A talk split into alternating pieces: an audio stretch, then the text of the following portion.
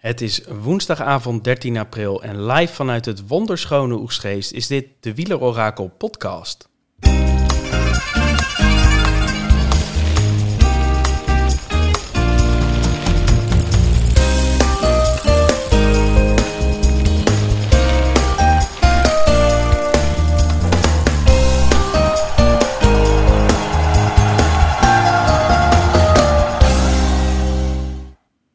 Ja, we hebben vanavond een primeur, want voor het eerst zit ik hier helemaal alleen in Oegsgeest en hebben we alleen iemand aan de telefoon hangen. En dat is... Daniel. Kijk, Daniel, mooi dat je er bent. Weer terug in Maastricht. Mis je Oegsgeest al een beetje? Je staat er niet alleen voor, Tom, hoor. Vorige week was het leuk om, uh, om uh, tegenover je te zitten, maar uh, nou, op deze manier kunnen we het ook goed, goed voor elkaar krijgen, volgens mij. Ja, kunnen we zeker. Uh, Thomas die zit uh, weer in het, uh, in het buitenland. Die heeft wel afgelopen weekend eventjes tussendoor de tourversie van de Amstel Gold Race gereden. Daar gaan we het straks nog even over hebben, omdat jij er ook bent geweest. Ja. Um, maar we starten eigenlijk weer als vanouds en dat is met drie stellingen. Um, en nou ja, de, ze komen eraan, dus bereid je maar voor. Stelling 1. Wout van Aert doet mee om de zegen in Roubaix. Nee. De wisseling tussen Amstel Gold Race en Parijs-Roubaix is een blijvertje. Ik vrees van niet. Daniel Herbers is een uitstekend reporter. er, is nog, er is nog werk aan de winkel. Die derde, daar komen we straks op, uh, komen we straks op terug. Um, jij denkt dat Van Aert uh, niet mee gaat doen om de zegen in Roubaix? Nee, ik denk uh, ja, alles voorbehoud dat er al gemaakt wordt hè, bij, zijn, uh, bij zijn gezondheid. En dat die, uh, de veel artsen ook toch wel zeggen dat, dat een goede rust na zo'n zo'n coronabesmetting wel belangrijk is. Denk ik niet dat, die, dat het team en dat hij het risico gaat nemen om, ja, om echt volle bak die koers te rijden. En ja, dan is de, ook al zou hij dat wel doen, is nog maar de vraag of die, of die meteen, weer, meteen weer kan staan natuurlijk. Dus ik denk dat ze Ruben nog wat rustiger aan doen met, met Wout. Ja, het is inderdaad maar de vraag. We zitten nu op woensdagavond, hè, of die überhaupt gaat rijden. Mm. de, de, ja, het zijn wisselende verhalen. Ik, ja, de ploeg um, heeft geloof gezegd dat ze donderdag, uh, donderdag de knoop doorhakken. Dus we zullen morgen wel, wel horen of die aan de stad staat of niet. Ja, en dan zeggen ze van als die rijdt, dan is dat waarschijnlijk niet in een, uh, in een uh, hoofdrol. Mm -hmm, mm -hmm. Dat is misschien ook een beetje om de verwachtingen te temperen natuurlijk. Ja, absoluut. En ja, zou doodzonde natuurlijk zijn, want ja, voor het seizoen was het uh, toch heel duidelijk dat uh, de Ronde van Vlaanderen en Roubaix echt zijn, uh, zijn hoofddoel dit, dit jaar waren. Hè. De, planning, de planning wordt anders neergelegd. Um, dus echt hopend op, op de, de topvorm in Vlaanderen en Roubaix. Ja, en als hij ze allebei zou moeten missen, dat zou wel heel sneu zijn. Zou zeker sneu zijn. Nu heeft hij wel uh, Luik Bastenaken Luik op zijn programma gezet alvast. Ja. Dat is dan wel weer een mooi, denk ik. Ja, heeft hij nog een weekje extra. Dus ja, hij zou, hij zou het wel moeten kunnen. Hij uh, heeft laten zien dat hij ook de bergen goed overkomt. Dus de heuvels in, uh, in, in Luik en rondom Luik, die, uh, die zou hij ook moeten kunnen bedwingen, denk ik. Ja, dat denk ik ook. Hey, stelling 2, wisseling tussen Amstel Gold Race en Parijs-Roubaix is een blijvertje. Um, jij, jij denkt van niet, maar je vond, vindt dat wel jammer? ik weet niet zo goed wat ik, wat, ik, wat ik nou het beste vind. Ergens is die, die combinatie Ronde van Vlaanderen en Parijs-Roubaix... is natuurlijk wel een, een beetje een heilige combinatie. Dus... Um, ik denk dat ze die graag weer terug willen.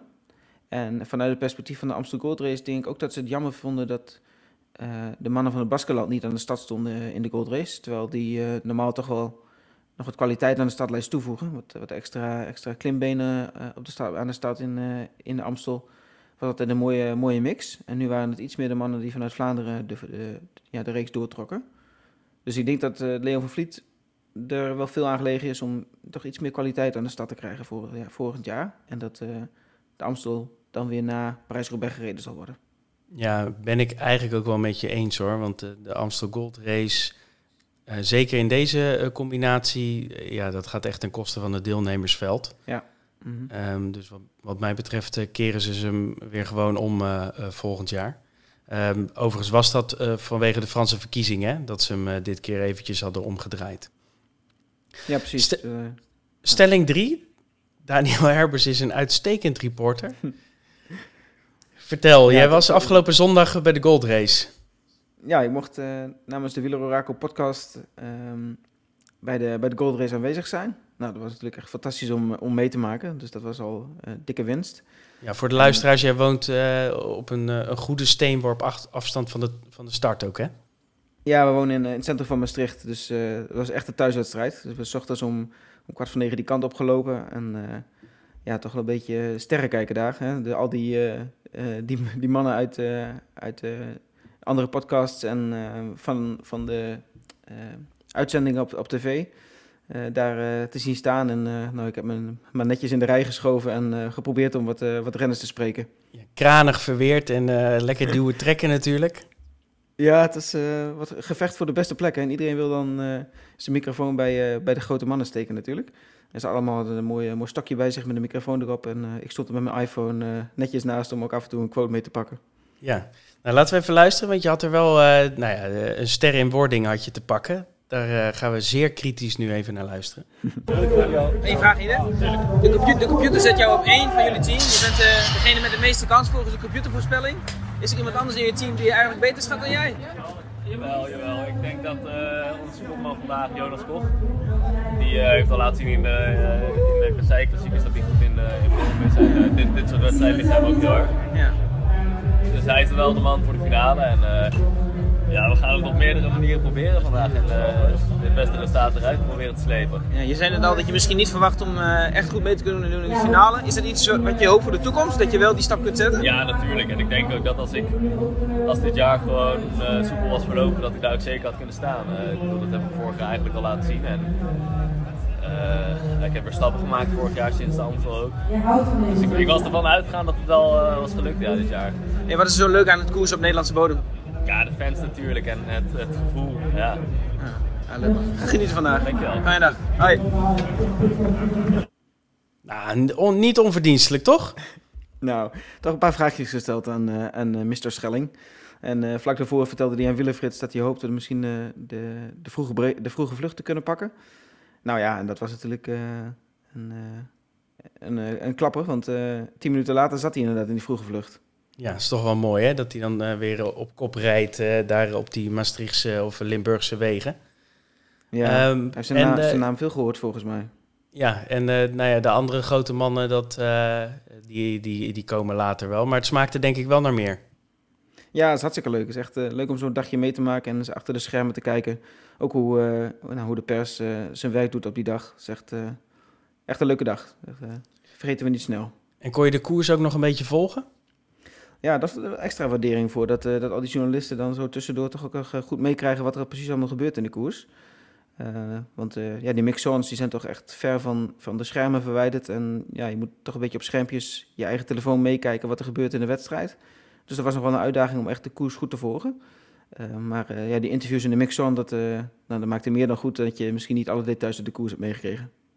Ja, mooi. Um, nou, het was natuurlijk uh, een finish waar weer veel over gesproken is. Uh, nou, weer, weer, een millimeter sprint voor de tweede jaar op rij. En um, nou ja, dit keer uh, was Ineos natuurlijk wel de, de lachende. Ja. Um, nou ja, volgens mij is er ook wel genoeg, genoeg over gezegd. Het was niet heel handig van de beste man om de finishfoto niet af te wachten. Misschien moeten we het daar maar bij laten. Ja, het was iets te getig om meteen wel een goede uitslag door te geven. En wat dan wel, wel bijzonder is, is dat uh, ja, de nummers 4 tot en met uh, de 4 en verder, die rijden meteen door naar de mixzone. Dus echt veel tijd om af te wachten wie nou de winnaar is. Voordat die renners daar arriveren, is er ook niet. Dus uh, verwarring alom. Verwarring alom. Volgend jaar, derde keer, moet het wel een keertje lukken volgens mij bij de Gold Race. Ja, zo mooi. Um, deze week ook Ronde van Turkije. Is natuurlijk deels een, een sprintersbal. en vandaag was dan nog een, een finish bergop. Uh, denk ik leuk om uh, te zien dat de Philipsen uh, gewoon weer echt goed meesprint. twee keer tweede en ook één keer winst. Ewan mm. pakt een etappe en welke ik er even wil uitlichten is die Groves, de Canadees. Um, die heeft een aardig een jaar tot nu toe. En zeker ook op het gebied van statistiek, hè? Ja, ja het is in Australië trouwens. Maar hij, hij heeft inderdaad een mooi jaar. Hij heeft een flinke stap in Australië. ja, ja heeft een mooie stap gezet deze winter. Vooruit. Ja, en hij, uh, hij heeft dus al tien, uh, tien podiumplaatsen te pakken in uh, professionele wedstrijden. En dat is eigenlijk het meeste van alle, van alle, van alle renners, van alle profrenners. Dus die heeft een goede start van 2022. Ik zie het, je hebt nog gelijk ook zeg. Een Australiër. En 23 jaar, dus eh, daar zit ook nog echt veel eh, eh, in. Dus we hebben echt een, een leuke groep met jonge sprinters die... eh, eh, nee, eh, noem een Olaf Kooi, noem een Arno de Lee. Dat zijn toch allemaal eh, jongens die hard op de deur bonzen. Dus hou ze in de Ga gaten. nog wat, ga nog wat duels uitvechten, ja. En nou, van jong naar oud. Want op Sicilië Zo. was er een, een podium waar ze nou ja, toch wel even wat dingetjes voor moesten aanpassen om die oude man op dat podium te hijsen. Want het podium is, schrik niet, Caruso op één, Nibali op twee en Pozzo Vivo op drie. Ja, de Italiaans oude mannenfeestje. Dat is wel, eh, dat moet, het is, eh, ik weet niet of je dat in de statistiek hebt, maar dat moet bijna wel het oudste podium eh, ooit of misschien in, in, in tijden zijn. Ja, ik, ik zag die uitslag vlak voordat we gingen, gingen opnemen. En ja, ik, ik kan me geen oude podium bedenken. Nou, niet vanuit de statistieken gezien, maar ook niet vanuit de koersherinneringen. 37 jaar gemiddeld. Ik zou eh, de luisteraars ook willen roepen om eh, met een oude podium aan te komen als ze die weten. Ja, Dat moet. eh, je- kijk, als Valverde erop staat, dan gaat het al hard natuurlijk. Maar eh, Gemiddeld, gemiddeld hard omhoog, ja. 37 is toch wel een ding. Dat moet Valverde, Rebellin en Oscar Sevilla of zoiets zijn. Dat zou ook nog wel een mooi podium zijn. Maar dit was natuurlijk op enigszins oké niveau. Ehm, Ja, ja. Nou, ja, eh, bijzonder. Hey, en Brabantse Pijl vandaag, heb je gekeken? Eh Vladden. Vladden heb ik gezien. Laatste, laatste 10 kilometer in ieder geval. En daarvoor eh, even in de gaten gehouden hoe de ontsnapping zich ontwikkelde en eh, welke renners in welke groepjes zaten. Heb jij Ja, gekeken? ik heb ook Flarden gezien. En ook het, fl- het flart eh, dat eh Alaphilippe aan Flarden ging. Zo. Door notabene eh de eigen ploegleiderswagen die in het achtervolgende groepje Ja. dacht naast het peloton te kunnen rijden. Eh, toen ze over de finish gingen eh, voor, een, eh, voor de laatste ronde. En ja, gek genoeg, ja, de, de renners schrokken er een beetje van. En toen, vielen ze een beetje nou ja, als een soort van domino-stenen om. Ook omdat er geremd werd op die iets wat natte witte strepen. Mhm. En ineens lag, eh lag Alaphilippe op de grond. En die had pijn wel zo te zien. Volgens mij heeft hij wel doorgereden. Ik weet eigenlijk niet of hij gefinished is. Maar ehm, ja, dat is toch wel weer de, de wet van Murphy hè, voor, eh voor Quickstep. Ja, lijkt ook wel een eigen teamgenoot dan, of een eigen ploegleider dan eh, een valpartij veroorzaakt waar ook de kopman voor de komende week, eh, weken erbij ligt. Dat, ja, dat kun je dan niet slecht uitkiezen. Als het dan misgaat, dan gaat alles mis. Hij heeft Ja. niet gefinished, DNF'je Oké. voor, voor Alaphilippe. Dus dat is wel Ja. terug. En voorin was het weer, ja, nou ja, Ineos is lekker bezig. Die werden natuurlijk al tweede in, in Vlaanderen. En Mhm. nu eh, winst in eh Amstel Gold Race. En nu ook weer winst in de Brabantse Pijl. En niet de man die je helemaal verwacht. Nee, Sheffield, ja, zaten met drie man bij die, bij die voorste, voorste groep. Ja, Sheffield, seconden- Turner, de, de man die, de boomlange Ineos-renner die het Ja. sowieso al heel goed doet eh, dit voorseizoen. En natuurlijk Pitcock. Ja, dus ze konden het een beetje uitspelen daar. Dus ja, dat hebben ze knap gedaan. En die Sheffield die pakt als eh, hele jonge gast al een eerste overwinning eh, eerder in het seizoen. En, eh, nou, Ruta del eh, Sol, hè, volgens mij. Ja, ja, hij trekt het lekker door in ieder geval. Ja, bijzonder. 19 jaar. Ehm, Mhm. Heb je zijn demarage gezien of niet? Nee, die heb ik gemist. Ja, dat was ook geen demarage. hij, Hij, hij, nee, hij, reed, hij reed op kop van het groepje. En nou, hij reed rustig door. Maar er liet iemand, ik weet even niet wie, maar die liet achter hem een gat vallen. En eh, hij doet nog met zijn elleboogje zo van neem nou over. en toen keek hij achter zich en toen had hij 50 of 100 meter. Toen dacht hij, nou ja, laat ik dan maar doorrijden. Door? Ja. En eh, nou ja, natuurlijk Turner en eh Pitcock die reageerden gewoon op de, de aanvallen van Evenepoel en Mhm. Wellens en Bargiel en Cosnefroid. En eh, de jonge Sheffield die kon zo eh, per ongeluk naar de, naar de zegen. Maar eh, bijzondere overwinning. Maar het, het, geeft voor, voor mij vooral aan dat Ineos echt ongelooflijk sterk is met die, met, die jonge, met die jonge hondenploeg van ze. Wel leuk echt, om te zien. Echt een sterke, sterke voorjaarsploeg. gebouwd eigenlijk op ja, best wel korte termijn. Wat sterke jonge, jonge mannen erbij gehaald. En ze staan er gewoon dit voorjaar. Dus verdient de credits. Ja, waar je, waar je voornamelijk Quickstep en Jumbo eh, Mhm. had verwacht, zeg maar, dit voorjaar. Nu moet ik zeggen dat Jumbo het natuurlijk ook wel gewoon eh, prima doet. Ehm, maar is het toch Ineos verrassend genoeg die, eh, die de knikkers uitdeelt? of opraapt. Dus nou ja, leuk om te zien. Ehm, gaan we hem doorpakken naar Parijs-Roubaix? Ja. Klassei klassieker natuurlijk, of Kassei klassieker natuurlijk. Pakken we ook even de drie voorgaande edities kort op. Eh, 2019 winst Gilbert, lijkt ook alweer zo lang geleden hè. Ehm, Ja. Zijn vierde monument. Eh, Hij race samen met Pollitt eh, naar, de, naar de streep. En, eh, en won eigenlijk in een sprint à deux op de wielerbaan in, eh, in Roubaix. Lampaard die zat daar op, eh, op 13 seconden, dus dat was nog enigszins dichtbij. En eh, dat groepje daarachter, dat zat alweer op een seconde of 40 volgens mij. 2020 is hij niet verreden, dus daar kunnen we ja, toch wel vrij kort over zijn. En in eh, 2021, dat was natuurlijk wel een prachtige regeneditie, wat het niet vaak is. Ehm, ja, ik denk dat iedereen hem nog wel goed herinnert. En dat komt ook omdat hij nog niet zo lang geleden is. Want hij werd natuurlijk gereden in het, eh, in het najaar.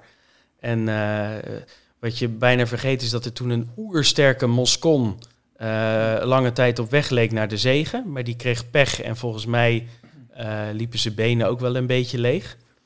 Ehm, en uiteindelijk waren het het, het, het, het mooie trio eh, Florian Vermeers, eh, Sonny Colbrelli en Mathieu van der Poel die, eh, die op op kop reden. En Vermeers, dat was een overblijfsel uit eh, eh, vroege vlucht. Eh, maar die hield heel knap stand. Ehm, en uiteindelijk was het, eh, was het een sprint met drie. En je zag eigenlijk ook al wel dat Van der Poel, die, eh, ja, die was niet helemaal eh, eh, topfit. En eh Colbrelli die eh, zat in de winning mood, zeker al eh, afgelopen seizoen. En, en die sprint hem keurig netjes naar de zegen. En nou, volgens mij echoot zijn kerm van zijn zegen nog steeds rond daar op die wielerbaan. Want die was niet normaal hoe blij die was met die, met die overwinning. Het was denk ik ook de mooiste zege uit zijn carrière. Hm. Ehm, en dus zal het hem ook wel extra pijn doen, denk ik, om zondag voor de tv te zitten. Want voor de mensen die het niet weten, Colbrelli die, nou ja, eh, heeft een hartstilstand gehad. eh, nou, wanneer, wanneer was dat ook alweer? Welke welke wedstrijd? Ronde van Catalonië? zou best kunnen. Hij sprintte toen naar een tweede plek achter eh, Matthews, De Matthews. Ja. weet ik nog. En het was inderdaad Catalonië, de tweede etappe van, van Catalonië. Nee, de eerste etappe van Catalonië Ja, zelfs. eerste. werd hij, ja. werd hij tweede. En direct na de finish kreeg hij hartstilstand. En inmiddels eh, eh, maakt hij het oké en heeft hij zo'n eh, kastje bij zijn hart. Ehm, alleen het is natuurlijk wel, hij is nog niet in competitie. En het is natuurlijk maar de vraag hoe die, hoe die terugkomt. Mhm. Ehm, wel zonde, hè? Ja, heel zonde. Die eh, maakte echt een, vorig jaar een bijzonder sterke indruk. Een beetje een, in, ja, toch een beetje een doorbraak voor hem, ook in dit soort, dit soort wedstrijden. Overwinning in de Benelux Tour en toen de zege in Roubaix. Dus we dachten allemaal, nou, die is, eh, die is gevlogen voor de komende seizoenen. En eh, nou, op deze manier dan toch een eh, terugslag daarin komt. En inderdaad, wat je zegt, nou maar afwachten of hij weer op dat niveau terug gaat komen. Het is echt, echt heel jammer. Ook voor het Ja. wielrennen gewoon in de concurrentie van, van Van Aert en Van de Poel bijvoorbeeld. Zeker. En hij was ook tweede geworden in, in de omloop nog dit jaar. Dus ook dit jaar was hij gewoon weer bij de pinken. Zonde, we gaan hem missen aanstaande zondag, onze Sonny. Ehm, ja, gaan we door naar de statistieken. Met plezier. Ehm, we beginnen altijd met een eh, rondje records. Hè? De meeste deelnemers, eh, wie rijdt het vaakst de top 10 in, eh, in Parijs-Roubaix? Nou, en er staat een, een Spanjaard, je verwacht het niet, voor zijn 17e deelname aan Parijs-Roubaix. En als Erviti komende zondag start, dan komt hij op gelijke hoogte met Heyman, Hinkepie en Gued- Gued- Guedon. Geddon, Geddon. Guedon, Guedon. Eh, en verder, eh, verder onder actieve renners eh, heeft Hausler ook al veel, veel Parijs-Roubaix-edities gereden. Die staat voor zijn vijftiende komende zondag. Hm. Het zijn niet de renners die het vaakst uitgereden hebben. Dat is Hemen wel. Hemen, Impanis, eh Knaven en IJssel zijn allemaal 16 keer gefinished eh, op de wielerbaan. Meer dan enig ander in Roubaix. Dat is, dat is op zich al een pre- prestatie op zich. eh, om 16 keer Roubaix uit te rijden. Ja, bizar. Ja, ongelooflijk aantal. Ehm, er zijn twintig meervoudige, meervoudige, meervoudige winnaars van, eh, van Parijs-Roubaix. Dat is een eh, oude koers natuurlijk. Ehm, en eh, Tom Bonen en Roger de Vlaming zijn recordhou- recordhouder met elk vier zegens. En zij worden gevolgd door een hele rits van renners met drie zegens. Eh Moser, Cancellara, Van Looy, Merckx, Museo, Reby, Lapise. Die hebben drie keer, drie keer gewonnen. Ja, veel, veel winnaars dan wel bij deze koers. Ja, heel veel veel renners. Ja. Ja, voor een deel natuurlijk doordat hij, uh, doordat hij al een hele lange, lange tijd verreden wordt. Maar uh, nou, er zijn ook veel mannen die, die meerdere keren een uh, in huis genomen hebben. en de Vlaming is ook recordhouder wat betreft top 10 prestaties. Die heeft de 13 keer top 10 gereden. En als we dan kijken naar de actieve renners, hebben Stibar en Van Marken, maar ook Lampaard al vaak top 10 gereden. Stibar met 6 en, en Van Marken 5 keer. alleen beide nog zonder, zonder overwinning. Dus, die Vrees voor ze dat het zo blijft het uh, moet raar lopen, willen zij zondag inderdaad uh, die kassei wel krijgen. Als we kijken naar de manier van winnen, dan is het lang geleden dat er een grotere groep aankwam op de piste in Roubaix. In 1997 was er een iets groter groepje. volgens mij waren ze met, toen met 7 of met 8. Dat was de laatste keer dat, en 1967 was de laatste keer dat ze met 10 of meer op de piste aankwamen. En van de laatste 23 edities is het 12 keer een solist geweest die, die op de piste aankwam. Ehm, maar toch is het al sinds 2014 geleden dat een renner solo won. En hm. uh, je weet vast nog wie het was, uh, Tom, of niet? Ja, dat is omdat ik meelees in het documentje. Dat ik zie dat het Nicky Terpstra is. Maar anders had ik het niet geweten. ja, dat was inderdaad de laatste, de laatste solo-winnaar. En uh, daarna was het altijd, was het altijd met z'n twee of met z'n drieën dat ze gingen sprinten om de zegen. Nou, wat moet je nou doen om goed te zijn in Roubaix? Nou, eerst heel, heel goed kunnen trappen en vaak heel lang prof zijn. Want het zijn vaak de, de ervaren renners die, die het goed doen in Parijs-Roubaix. Um, Magnus Sheffield, die we net al kort behandelden, is dan een van de jongste deelnemers. Uh, maar voor een goed resultaat moet je door de mand genomen toch uh, uh, wat, wat oud en ook zwaar zijn. in de laatste zes seizoenen was de winnaar van Parijs-Roubaix namelijk het oudst van alle grote eendagskoersen. en Roubaix heeft dan ook de oudste top 3 en de oudste top 10 sinds 2016. Opvallend wel. Ja, aan de ene kant opvallend, aan de andere kant uh, er is gewoon minder explosiviteit nodig hè, in zo'n uh, in zo'n kasseikoers.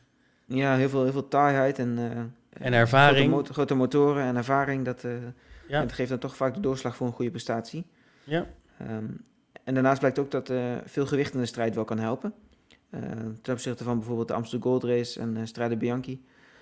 zoals Van der Poel ook al zei, hè, dat de, de Amstel toch iets meer voor de lichtere mannen gemaakt is zie je dat de top 10 en de top 3 in Roubaix gemiddeld het zwaarst zijn. Nou, dat is eigenlijk geen verrassing. Um, uh, alleen de winnaars van Gent-Wevelgem zijn gemiddeld nog wat zwaarder dan de winnaars van, van Roubaix. Hm. Maar goed, het kan ook een uh, kwestie van uh, de korte tijdspannen zijn waar ik naar gekeken heb. Over het algemeen dus wat ouder en wat zwaarder zijn de, de goede prestaties. De goede Zware, dikke gasten, daar moeten we op letten zondag. Yes. Al is dik nog steeds een relatief begrip, want zware renners zijn zo'n 72, 73 kilo. Dus nou, of, of eh, de, de Van Aartjes en zo, die zitten wel voor mij rond de 80, toch? Ja, die waren nog zwaarder. Oké. Of de, en de Christophe, zeg maar, van deze wereld. Mm Ganna, dat zijn toch jongens die wel uh, enigszins uh, wat kilo's mee tornen. Ja, dat is waar. Nu herinner ik me inderdaad dat Dumoulin voor die, voor die goede Giro was hij toch iets van 69, 70 kilo. Dus ja, ja. de, de, de, de zullen inderdaad nog wat zwaarder zijn. Ja, ik zie in ieder geval Pro Cycling staat dat zo'n Christophe staat 78 kilo uh, bij. ik weet niet of ze vanochtend, ik weet niet of ze vanochtend hebben gemeten, maar uh, hij heeft in ieder geval uh, schurk dat toch rond die 80 kilo. Ja. Nou ja. Hey, en we noemen hem al even. En Mathieu van der Poel, vorig jaar derde op de piste, um, heeft Vlaanderen gewonnen dit jaar. Hij kan de elfde renner in de geschiedenis worden die Vlaanderen en Roubaix in hetzelfde jaar op zijn palmarès bijschrijft.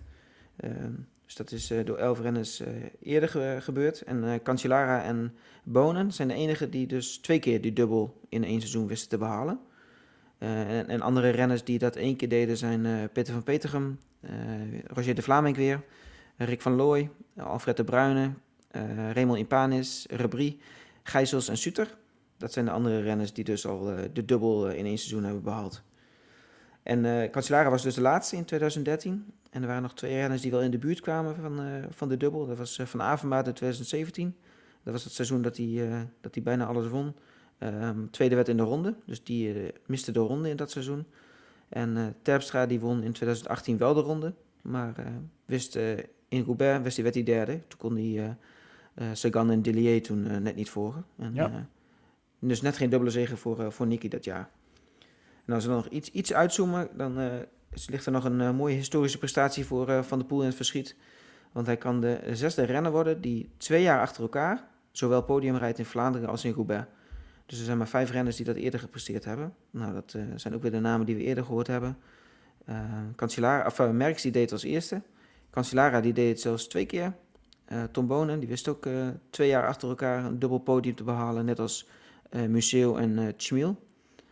Ehm, dus nou, dat is een, een, unieke prestatie die, die Van der Poel kan, kan neerzetten als die, um, als die top 3 eindigt op de piste in Roubaix komende zondag. Mooi. Ik zit even te kijken hoeveel um, Van de Poel staat op 75 kilo staat hij op Pro Cycling Stads. Dus die moet nog eigenlijk die, goed ontbijten. Ja, die klassificeert nog net niet als hele zware, hele zware renner. Oké, okay, dan um, denk ik dat we ze gehad hebben, de, de statistieken. Um, ja. Dan wil ik eigenlijk inzoomen op het parcours. Mm -hmm. uh, daar heb jij uh, het nodige voor voorbereid? Ja, ik heb uh, het parcours er even, even bijgepakt. Ja, eigenlijk is het, is het niet zo ingewikkeld. Het is gewoon heel veel stuiteren. Ehm, en zo'n 150 kilometer achter elkaar stuiteren. Want na de eerste 98 kilometer zijn dan zonder, zonder kasseistroken. dus een, een ja, hele lange, lange aanloop naar die, naar die eerste kasseistrook. En daarna is het echt een klassieke opeenvolging van, uh, van, uh, van stroken. Weinig rust. Uh, ik heb even gekeken, maar de maximale afstand die tussen twee stroken ligt, dat is één keer dat er 12 kilometer tussen zit. Hmm. Um, dus nou ja, er zijn weinig punten waarin ze echt langere tijd strookvrij zijn als ze die eerste 100 kilometer gehad hebben. Vorige week dus 33 heuvels, nu 30 stroken. Dus we blijven in de grote aantallen zitten. En uh, ja, echt serieus, dat gaat het, dat gaat worden, gaat het worden bij sector 20 en 19. Dus op zo'n 105 ehm, kilometer van de streep, 154 kilometer gekoerst. ja, het bos van Valère, zoals we het in het Nederlands zeggen. En volgens mij heette de sector heette Troué-Arenberg. Dus dat is sector 19. Ja, dus dan moeten we zeker wel met z'n allen klaar zitten om, om te gaan kijken. Nou, en vanaf dat punt volgen de zware sectoren zich in groot tempo op. En eh, ja, een paar, uh, paar bekende uh, secteurs zijn dan de Monza, Monza Pevel, die als um, vijf sterren sector geclassificeerd staat, maar ook Champagne en en Carrefour de Larbe, dat, ja, die bijna aan het einde van de, van de koers zitten. Ja, dat zijn, zijn toch de, de bekende, bekende kasseistroken waar, waar we de renners weer gaan, gaan zien gaan stuiteren en um, ja, proberen om die, die splitsende, splijtende demarage nog te plaatsen. En die laatste echt zware, zware sector die, um, is op zo'n 50 kilometer van de finish. Dat is de Carrefour de Larbe. Um, dus dan hebben ze nog zo'n 15 kilometer te rijden. Dan komen er nog drie korte, uh, stroken. En dan die symboolstrook in, in Roubaix zelf van, van 300 meter. En dan is daar de piste. Eén rondje en dan afsprinten. Tenminste, als ze nog met meer dan, dan één zijn, mogen ze op de piste proberen elkaar te verslaan. Ja, ik zou eigenlijk, ik zou het wel weer een keer mooi vinden als, uh, als, het een, uh, als het een solo wordt eigenlijk. Denk jij? Ja, dat, uh, dat verdient zo'n wedstrijd wel. Hè? Dat dan zo'n spectaculaire demarage en dat iemand dat, dat rondje mag fietsen op, op, de, op de piste. Ja, um, vanaf het bos van, of van Carrefour de Larbre alleen. En dan -hmm. dat laatste stuk een soort van zegentocht naar die piste toe. Dat lijkt me wel mooi. Ja, het zou wel mooi zijn. Ik hoop, ik hoop er ook wel op, uh, Tom, dat het op die manier gaat verlopen. Uh, aan de andere kant hebben we gezien dat uh, de grote kleppers wel aan elkaar gewaagd zijn dit jaar. ja, ze hadden elkaar ook een beetje in de, in de wurg gegrepen in de Amstel Gold Race bijvoorbeeld. Nou, deel van het deelnemersveld komt ook weer terug in, in Roubaix. Dus ja, moet, dit valt te bezien of er één iemand is die het verschil gaat maken... of dat het toch een groepje van, van twee of drie of vier is die, die overblijft. Zijn we toch wel weer toe aan het hoogtepunt van de show.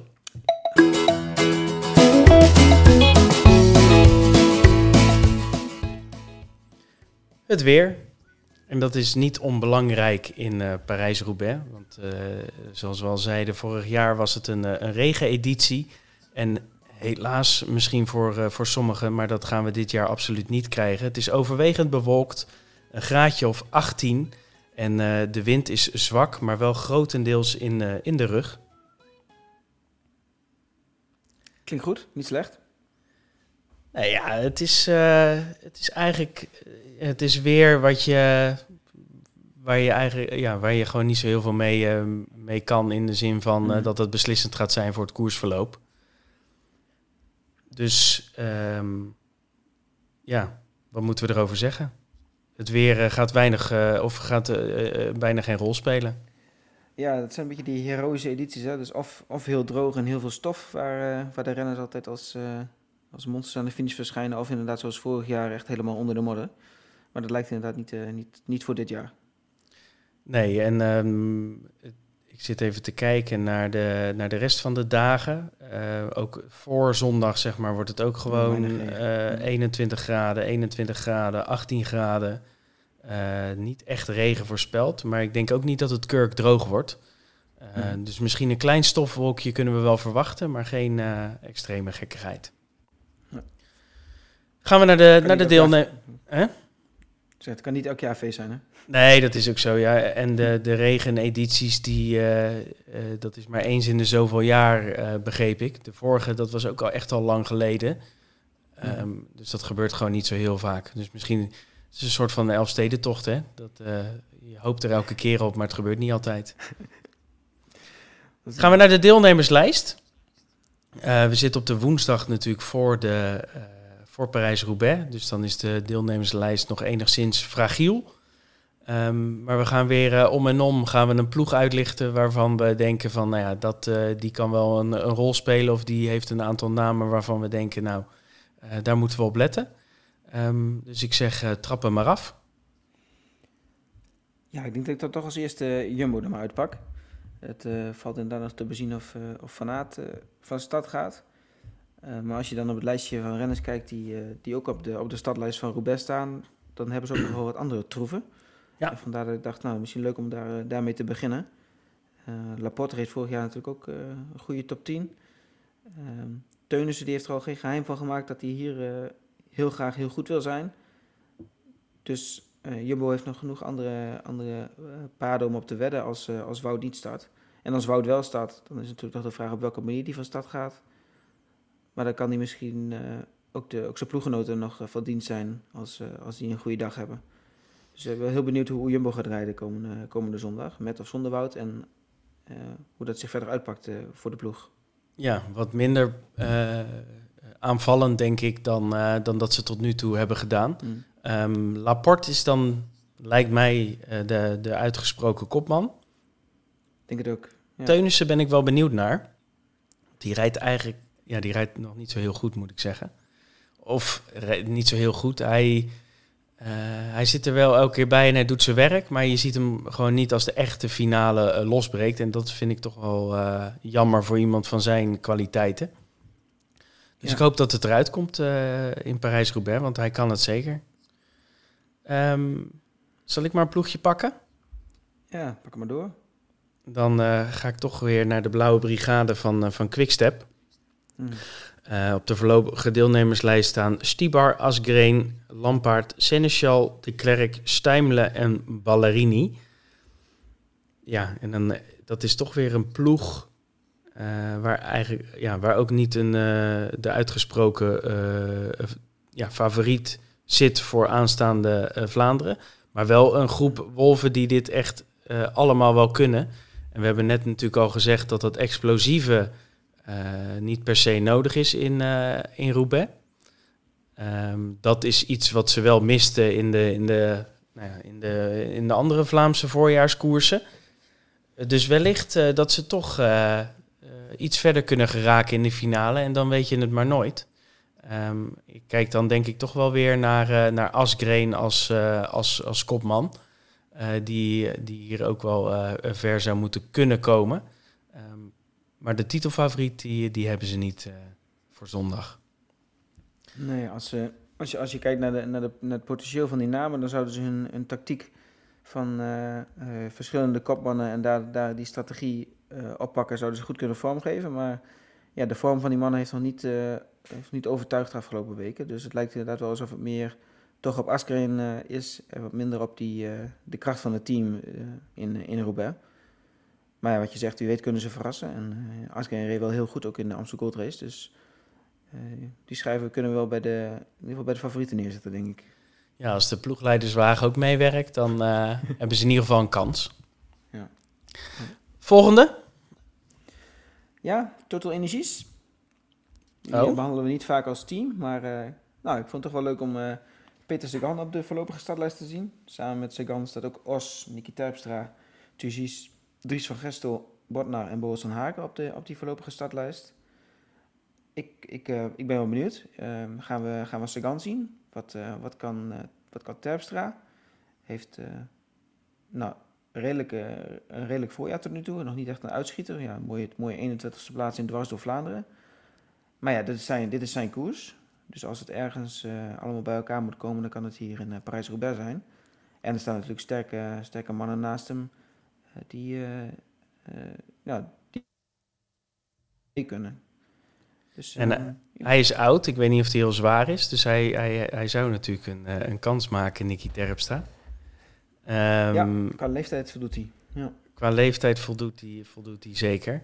Ja, het blijft wel ehm, een, een interessante ploeg, maar die eigenlijk nog geen knikker bij elkaar rijdt. Nee, klopt. En uh, Sagan is ook nog niet veel, eh hebben we ook nog niet veel van gezien. Maar, Nee, het is maar de vraag ook weer of hij of die op, eh, opstapt.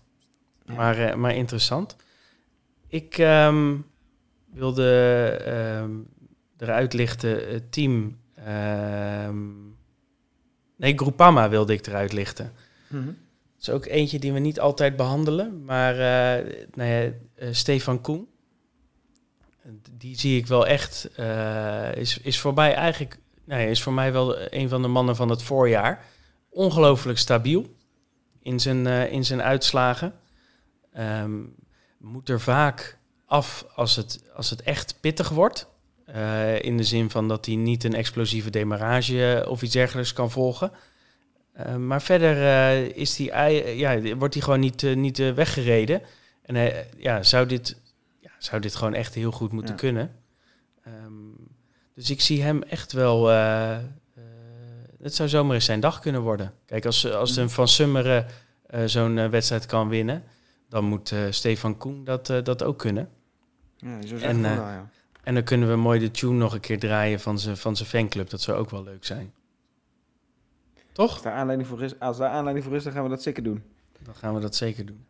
Hij zou het wel alleen moeten doen, denk je, denk je niet? Hij moet het zeker alleen, uh, alleen doen, maar uh, dat kan uh, Koen wel. Hm. Ja. Heb jij nog een laatste ploeg voor jou? Ja, ja dan eh, gaan we toch naar Ineos, de Grenadiers. Ja, de ploeg ja, van het voorjaar bijna. Precies. Kwiatkowski staat bovenaan die, aan die startlijst. Nou, die, die heeft niks meer te verliezen, want die heeft een, een, in ieder geval een mooie overwinning binnen, binnen dit jaar. En er staan nog wel een aantal leuke namen op. Viviani staat op de startlijst bij uh, Ineos. Ganna, Rowe, Van Balen, Turner en Sheffield. Dus ja, al stuk voor stuk indrukwekkende namen voor, uh, voor Parijs-Roubaix. en, en Ganna die springt dan nog naast, naast, naast de Van Balen en ja, misschien ook wel Turner. Springt Ganna natuurlijk ook wel uit. Hij heeft er geen geheim van gemaakt dat hij heel graag heel goed wil zijn in, in Parijs-Roubaix. We hebben nog niet heel veel van hem gezien dit seizoen. Maar nou, Ghana weet altijd wel zijn momenten uit te, uit te kiezen. En staat er ook op de momenten die hij aangeeft dat hij, uh, dat hij het graag goed wil doen, staat hij er tot nu toe altijd wel. Dus het zou me niet verbazen als hij, uh, als hij gewoon meedoet uh, komende zondag voor, een, voor een mooie klassering. Ja, en als hij zijn motor eenmaal aantrapt, dan kunnen er weinig volgen, denk ik. Ik zeg, onthoud die naam straks voor de, voor de voorspellingen. Komen erop Oh terug. De laatste die ik wilde behandelen is Bahrein. Uh, die verschijnen inderdaad aan de start met Hausler. Die al, uh, nee, je noemde hem net al in de statistieken. Die is een ervaren Roubaix-coureur. en dat is nodig. dan hebben we nog Fred Wright bijvoorbeeld. En Jan Tratnik. De eeuwige Jan Tratnik. Die heel veel in beeld rijdt dit voorjaar. Um, ja, ik denk dat, dat Tratnik, dat is ook zo'n zo'n stevige stoemper, zo'n stevige tijdrijder. Die zou pech daar gelaten ook wel echt tot diep in de finale moeten kunnen meedoen. En dan hebben we nog Mohoric. Um, lijkt wel echt een beetje over zijn piek heen te zijn. Dat zagen we ook wel weer afgelopen weekend in de, in de Gold Race. Maar wie weet, ze, hebben een, ze hebben een leuk ploegje en ze zijn titelhouder. Hè? Dus ze hebben, ze hebben rug nummer 1. En dat geeft misschien wel een beetje vleugels. Je weet het niet. Zal Mohoric nummer 1 op zijn rug krijgen? Of wie zullen ze kopman maken? In, uh... Ja, ik denk, ik denk Mohoric. Dat hij ja. uh, dat de kopman is. Ja. Um, ja, dan gaan we de computer een slinger geven. Uh, Arjan die heeft de boel weer uitgedraaid ehm, op basis van de voorlopige deelnemerslijst.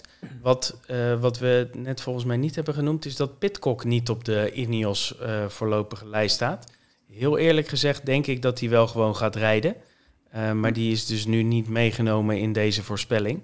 Ehm, we doen op de blog eh, uiteraard eh, ook nog een voorspelling met de definitieve deelnemerslijst.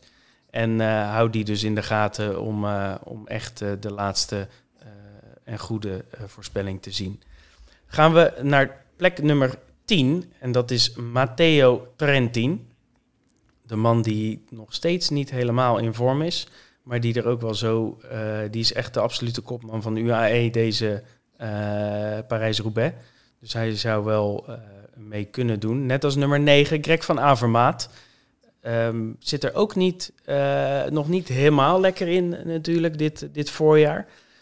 Maar voldoet wel aan alle eisen voor een goede Parijs-Roubaix-renner. En heeft hem bovendien al een keer gewonnen. Dus een top 10 zou mij niet verbazen van, van Greg van Avermaat. Op Dit 8. Elke, elke week een stapje lager, hè? Van 7 naar 8 en nu Ja. naar 9.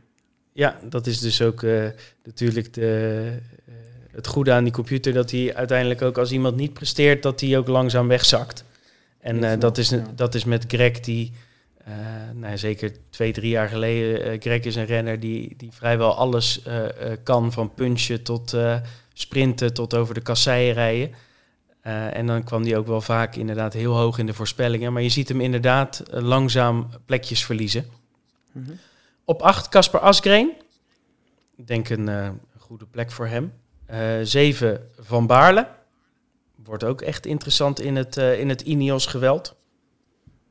Op 6 Mohoric. Vind ik dan weer iets wat hoog staan voor, voor zijn... voor wat hij de afgelopen eh, paar weken nu laat zien. Ehm, vijf, wel heel interessant denk ik, Mats Pedersen. Eh, een man bij uitstek die dit eh, zou moeten kunnen. En ik schrijf hem ook echt op voor een hoge notering. Hm. Vier, Laporte. De Jumbo frontman. Als Wout van Aert niet meedoet. En misschien ook wel als Wout van Aert wel meedoet. Stefan Koen. Nou, daar hebben we hem. Op nummer drie. Wist ik overigens niet dat hij, dat hij op plek drie eh, zou staan. Ehm, maar ik denk inderdaad, eh, de computer neemt mee dat hij, dat hij eigenlijk een heel goed eh, voorjaar rijdt. Week na week haalt hij bijna een top 10 klassering. En als het niet top 10 is, dan is het wel top 15. Ehm, dus ik denk terecht en echt een van de favorieten voor, eh, voor aankomend weekend. En op twee nog wel meegenomen in deze voorspelling Wout van Aert. Ehm, nou computer houdt eh, geen rekening mee met eh, ziekte en blessures en dergelijke. Dus het is niet gek dat, dat Van Aert op 2 staat. Ehm, misschien juist wel meer bijzonder dat hij op 2 staat en niet op 1. Want op 1 staat Mathieu van der Poel. Ehm, die heeft de nodige vormpunten natuurlijk gescoord. En ook de uitslag van vorig jaar wordt, wordt meegenomen. En daar was eh, Van der Poel natuurlijk top 3. En daarom staat hij ook op, op 1. Eh, van Aert nog wel op, eh, op 2, maar echt, eh, echt maar de vraag eh, of hij het gaat redden. Ehm, jij hebt het lijstje ook voor je, eh, Daniel. Mis jij nog namen of vind je eh, in de overige eh, namen nog iets wat je, wat je zou willen noemen? Ja, ik zag eh, Jasper Stuyven staan op, eh, op 18. Dus die staat eh, nou wel wat lager. Heeft ook nog niet heel, heel goed gereden dit, eh, dit voorjaar. Eh, de laatste twee seizoenen dus twee, ja, twee jaar achter elkaar toch een grote koers gewonnen. Eh, vorig jaar, eh vorig jaar Milaan Sanremo is de eerste monument. Dus ergens had ik wel verwacht dat hij ook dit jaar eh, nou, in ieder geval een keer eh, mee zou doen eh, voor de overwinning. Zijn beste prestatie tot nu toe was die vierde plek in eh, Gent-Wevelgem. Nou, we hebben al gezien, eh Gent-Wevelgem moet je zwaar en, eh, en wat, ah, wat ervarener voor zijn. Nou, Stuyven is in ieder geval ervaren. En die eh, tikt ook de, of gaat richting de 78 kilo. Dus ehm, nou, ik hoop stiekem dat hij uh, dat die, dat die komende, komende zondag dan uh, het beste resultaat van het seizoen rijdt. Zou zomaar kunnen. Net als uh, nummer 14, Alexander Christophe. Hm. Krijgen we denk ik ook straks nog tevoorschijn in de, in de persoonlijke voorspellingen. Maar dat, die viking, dat is wel ook echt eentje om rekening mee te houden aanstaande zondag, hè? Ja, die heeft wel indruk gemaakt. De manier waarop hij de Scheldeprijs daar, daar wegreed. En ja, eigenlijk eh, iedereen een nakijker gaf. Dat was, eh, was een indrukwekkende prestatie. Ja. Slecht weer, eh, veel wind, afvalrace. Dat is Christophe nog steeds op zijn lijf geschreven. Ehm, En dat de enige is waar hij misschien een klein beetje van baalt, is dat het weer dus niet zo spectaculair zwaar zal zijn. Maar goed, Roubaix is altijd een afvalrace. Dus wie weet. Gaan, we, gaan we ook naar de voorspellingen? Ehm, pakken we eerst even Arjan en Thomas. Die hebben ook netjes weer hun eh, eh, verstand eh, laten gelden en ook hun eenhoornen genoemd.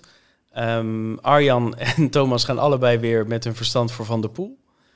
En de eenhoorn van Arjan is Max Walscheid.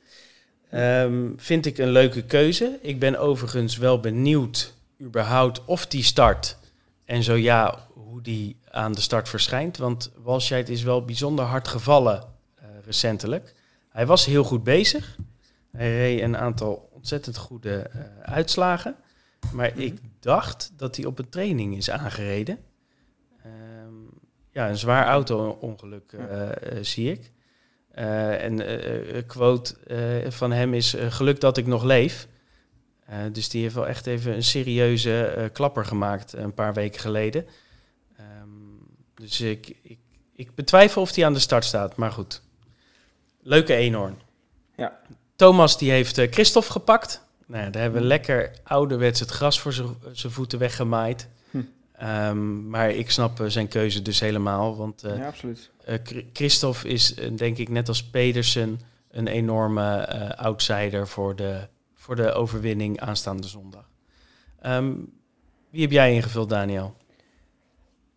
Ja, jullie of ja, Thomas en Arjan gingen voor, eh, voor Mathieu als grote favoriet. Nou, ik eh, support ook zeker eh, voor Van der Poel, maar ik heb als nummer 1 Christophe Laporte opgeschreven. En dat was eigenlijk meer vanuit nou, dat ik me niet zo goed herinnerde dat hij vorig jaar, vorig jaar zo goed reed in Roubaix. Dus ik dacht, nou, als hij zo goed reed vorig jaar in Roubaix, die heeft toch een aardig voorjaar al gehad, dan moet hij dit jaar, dit jaar weer kunnen. En ik ben bij het Nederlandse team gebleven. Dat chauvinisme dat er diep van binnenin zit. Want eh, de Oh, eenhoorn diep van binnen, diep van binnen. Het zit redelijk aan het oppervlak hoor, Daniel. Mike Teunissen maar opgeschreven als, als eenhoorn. Gewoon omdat je nou, toch die, eh, die mooie klassieker eh, aan hem gunt. En wat je zei klopt precies. Hij was nog niet echt daar als, het, als hij er echt moest zijn. In, de, in die koersen, die eendagskoersen tot nu toe. Maar nou, laat het dan maar in Roubaix gebeuren. Ja, het zou mooi zijn. Nou ja, ik ben ook ouderwets voor Van der Poel gegaan met mijn verstand. En eh nou ja, Eenhoorn is, is voor mij eh, Pipo Ganna. En eh, dat is inderdaad omdat hij al meerdere keren heeft gezegd... hij had eigenlijk hij had twee grote doelen dit, dit voorjaar. En dat waren Milaan-Sanremo en Parijs-Roubaix. Sanremo was hij eigenlijk kort daarvoor was hij ziek... En ehm, ja, dat, dat werd hem dus ook eh, niet helemaal. Vol, volgens mij moest hij al lossen op de Cipressa. Eh, kon hij het tempo al niet, eh, niet mee. En ehm, dit keer heeft hij een betere aanloop. Heeft hij, is hij in ieder geval niks tegengekomen. En ja, kan hij wat mij betreft meedoen om de overwinning in de categorie nou ja, Christophe, Pedersen, wat, eh, wat zwaardere jongens Ja. die, eh, die hard over die kasseien kunnen deggeren. Dus ehm, voor mij is het, eh, is het Ganna. Weet jij waarom hij niet meer opgestapt is in die vierde etappe van, van Sartre? Nee, weet ik niet. Oké, ik heb er niks over gehoord verder, maar ik zie nu dat hij, dat hij die laatste uitslag een DNS is. Dus nou hopen dat hij gewoon wel fit en, en wel aan de stad verschijnt zondag. Want eh, Nou, het laatste wat ik, eh, wat ik deze week erover las, is dat hij eh, wat intervaltrainingen had gedaan. Eh, dus ik neem aan dat hij, dat hij zich nog steeds klaarstoomt voor, voor Roubaix. Dus zondag klaar is. ja, ik, ik speel Ja. hem toch wel graag. Goed zo. Ga je kijken? Ja, zeker. Het is toch een van de mooiere, mooiere koersen in het jaar. En nou ja, het, het afzien op, op die kasseien, dat blijft een, eh, een genot om naar te kijken. Dus ik, eh, ik ga zeker eh Parijs-Roubaix kijken komende zondag. Vanaf hoe laat? Ja, we hebben net gezegd, hè, zo'n 100 kilometer voor de finish. Dus dat zal eh, zo'n 2,5 uur voor de finish zijn. Dus zo rond 2 uur, half drie, moeten we toch wel klaar zitten. Ja, dat moet zeker. Nee, ik ga ook zeker, zeker kijken. Ik uh, vind Parijs-Roubaix altijd een, een leuke koers om, uh, om uh, lang naar te kijken. Zeker om wat jij zei, dat die kasseistroken die hopen elkaar zo snel op op een gegeven moment. Die eerste 100 kilometer, dat geloof ik allemaal wel. Maar daarna vind ik het wel echt interessant, want eigenlijk elke strook gebeurt er wel wat. Of een valpartij, of een ja. stuurpen dat afbreekt, of een, uh, een lekke band. Of, uh, het is altijd iets. Dus uh, nee, zeker van de partij zondag. Mooi um, vooruitzicht. En zeker een mooi vooruitzicht. Dan, dan zijn we er weer doorheen. Dan wil ik jou danken. En dan um, gaan wij, dus misschien nog wel leuk om te zeggen, maar deze week gaan we dus ook een, een special opnemen. Met de CEO van Scorito. Gaan we hem allemaal vragen stellen. En als je nog vragen hebt als luisteraar, dat zullen we ook een oproepje doen voor Twitter. Of op Twitter. dat, je een, dat je je vragen kan stellen over het Scorito-spel. en dan gaan we ook vooruitkijken naar, naar de Giro. die alweer voor de deur staat. En ook enkele prijsonthullingen doen van prominente renners die daar aan de start zullen verschijnen. Dus je, je krijgt ons nog een keer in je, in je feed deze week. En dat was hem. Daniel, veel plezier zondag en tot later.